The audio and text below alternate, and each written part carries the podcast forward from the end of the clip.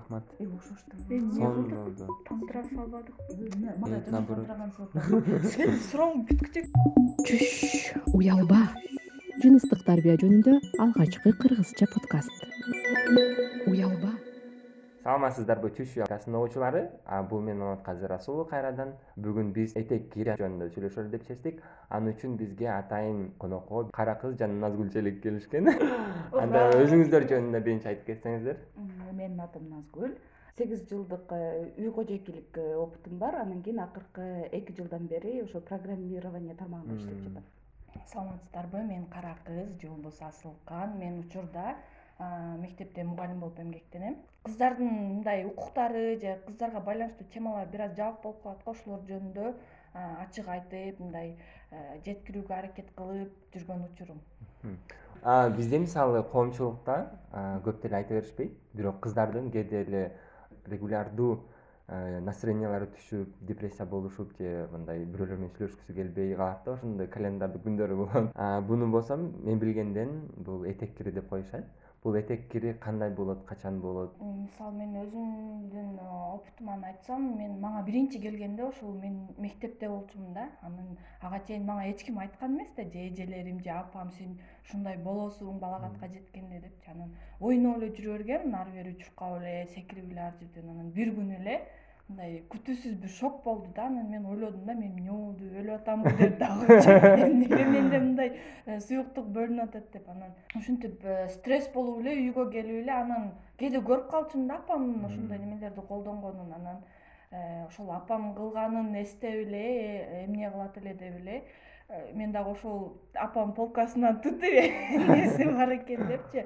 Биринчи ошол опытум абдан оор өткөн десем болот. Айта албайсың же эч кимге менде ушундай болуп атат ушундай бир э, кан келип атат депчи. Уяласың да. Назгүл жана сиз сегиз жылдык айым үй кожойкасы катары тажрыйба бар деп атасыз э сиз өзүңүз апа болдуңуз э анан кийин эже сиңди болдуңуз.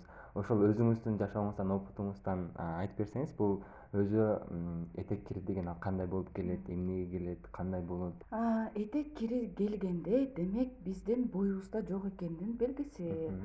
Анан кийин э, ар ким күлгөндөй жашоодо ар э, баягы этап болот экен. Биринде келгенде сүйүнөт экенсиң биринде келгенде ыйлагың келет экен дегенчи э, дагы элдер интернетте тамашалашып калышат го. Өлө эме настроениең түшүп бир нерсеге кыжаалат болуп ыйлактап ошентип эле анан кийин эртеси күнү анан кийин этек кириң келип калса а ушул беле деп кайра ушунча болдуму деп. Э, ар ким ошо организми ар түрдүү экенин мындай түшүнүш керек жеткириш керек.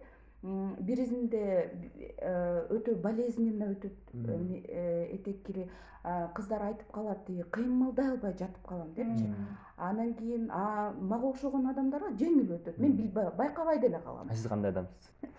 Жок организм организмдин эмесин айтып атам өзгөчөлүктөрүн адамдар аны такыр түшүнбөйт да. Анан кийин ошону бул э, табудан чыгарып бул теманы сүйлөсөк ошо кыйналган аялдарга жеңилирээк болобу деп ойлоп калам да кээде. Чүш уялба кантип ойлойсуздар эмне үчүн? Мисалы эркектер бул нерсени билиш керек кандай жардам көрсөтө алат э? Аялдын организмине жараша ошо реакциясына жараша ошондой мамиле кылыш керек да. Эгер кыйналса ооруса анда тим коюш керек? Адам жатып үйүндө ошол эки күн үч күн башынан өткөрүп алып анан кийин кайра кадимкидей жумушуна келип э, окуусуна барып эме кыла турган. Тийишпеш керек болгону ошол андай андай көмөк көрсөтүүнү э, тиги дары берип анан кийин шоруп алып келип деген деле айтпайбыз да. Жөн эле тийишпей эле кой тынч кой жатып алсын кыйналып атса. Анан кийин эртеси эки үч күндөн кийин анан кадимки жашоо кайра баштала берет андан кийин эмнеге билиш керек десең эркектер деген жаш балдар чоңоет ата болот тиги үй бүлө пландашат. Анан кийин ошол убакыттарда деле негизи аялдын организми кантип иштейт экенин билбеген адам эркек эркек болобу аялдар аялдар деле бар. Баягы эмнеге экенин түшүнүшпөгөнчү башынан аягына чейин. Андан кийин ошолор деген үй бүлө куруп атканда балалуу бала пландап атканда дагы өтө көп өздөрүнө проблема ашырышат экен. Ошондо этек кири мындай кайсыл учурларда келет же ар биринде ар башкачабы ар айымдыкы ар башкача. Бирок эми баягы эле стандарт жыйырма сегиз күн он эки күндөн кийин овуляция. Цикл ошо жыйырма сегиз күн стандарт алынат бирок ар кимдики эми ар түрдүү. Бирок э, бул кандай эмне үчүн кан бөлүнүп чыгат да? Или андай керексиз кандарды чыгарып салыш керек? Жок. Тиги э, керексиз кан деле эмес өзү негизи кан деле эмес. Бул. Овуляция болгондо биздин яйцеклеткабыз даяр болот андан кийин күтөт оплодотворение болушун. Андан кийин эгер оплодотворение болбой калса ал деген чыгып кетиш керек. Андан кийин ал чыгып кеткенде тиги эмеден э, слизь маткадан кошо чыгат и кошо канайт. Көбүнчө эле бул слизь демек бойго жетип этек кири келаткан болсо бул тескерисинче жакшы нерсе экен да э? Ой бул майрам болуш керек. Мисалы сиз айтып атпайсызбы өлүп атамбы деп ойлогон болчумун биринчи көргөндө депчи көбүнчөсүндө кыздарга айтып түшүндүрбөгөн үчүн биринчи жолу көргөндө аябай коркушат экен да анан боюмда болуп калдыбы деп ойлогондор болот экен. Мисалы ошол мектеп эле учурун айтсак биз ошол биз ачык э, классташ кыздар менен курбуларым менен мектепте тогузунчу класста эле сүйлөшүп баштаганбыз да. Ал мезгилде баарыбыз билебиз окуубуз келбей калат. Биз дагы сурайт элек да мисалы сеники канча күн келет десе бирөөсү айтат эле эки күн келет үч күн келет анан бир жума келет он күн келет деген кыздар болчу да. Анан биз вай мынаныкы он күн келет экен кантип чыдайсың? деп баягы сүйлөшүп ошондо обсуждать этели анан негизинен кээде бул тема ачык айтылбаган үчүн кыздар арасында деле сүйлөшүшкөндөн уялгандар бар да мисалы жакын эле курбулар. Анан мен ошол билим берүү тармагында иштегендиктен ошол эгерде төшөк мамилеси жөнүндө э, адамдын түзүлүшү жөнүндө деле жакшылап ушул программаны мектеп программасына киргизип билим берүүгө окутса абдан сонун болмок деп ойлойм да. Эгерде ушу жаштайынан мүмкүн болсо ушул бала бакчадан деле баштаса болот да. Ошол жактан деле этап этабы менен түшүндүрсө бул кийин ошо уялбай тартынбай ушул э, биздин эркектерибиз деле билет түшүнүү менен кабыл алат дейм да. Мисалы жаш үй бүлөдө эле үй бүлө курганда мисалы айыз келген учурунда эркек менен аял кошулбаш керек. Ал нерсени түшүнбөй деле эркектер ошол нерсени сен эмне болуп атасың? деп ушул э, зордуктап ушул төшөккө жаптырган учурлар дагы бар да. Мисалы угуп калабыз кездештирип калабыз. Эгерде ушул эркек балдардын дагы айыз жөнүндө аялдардын организми жөнүндө маалыматы көп болсо мындай нерселер болбосо керек эле дейм да мындай темаларда уялбай ачык ачык сүйлөшүш керек да. Бул уят нерсе эмес. Чүш уялба.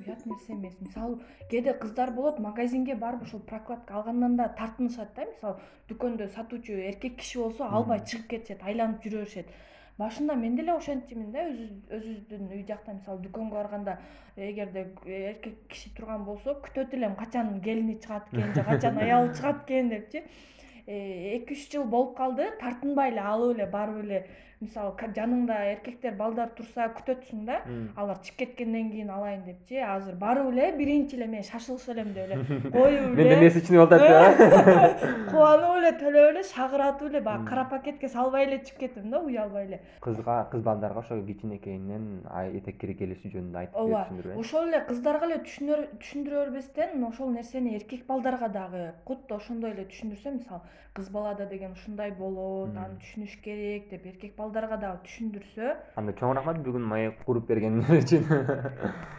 Сизге рахмат.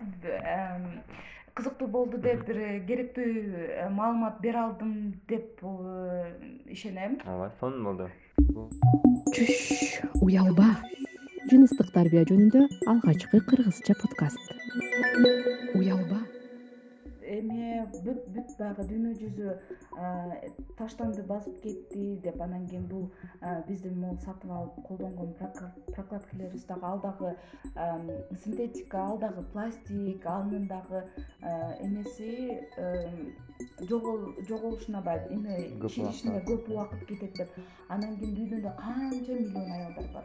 Анан кийин анын канчасы ар ай сайын жок дегенде он иштетет ыргытат бул деген эме деп анан азыркы э, жаңы э, пайда болгон бул э, менструальный чашы деп коет. Силикондон жасалган кичинекей эмеден гуглдан карап көрсөңөр болот минутта реклама болуп кетти э колдонгонго өтө ыңгайлуу ал многоразовый бир уруну сатып алсаң ошону он жылдап он жылдап колдонсоң болот. Жыныстык тарбия темасындагы менин подкаст долбоорума сорос кыргызстан фонду көмөк көрсөттү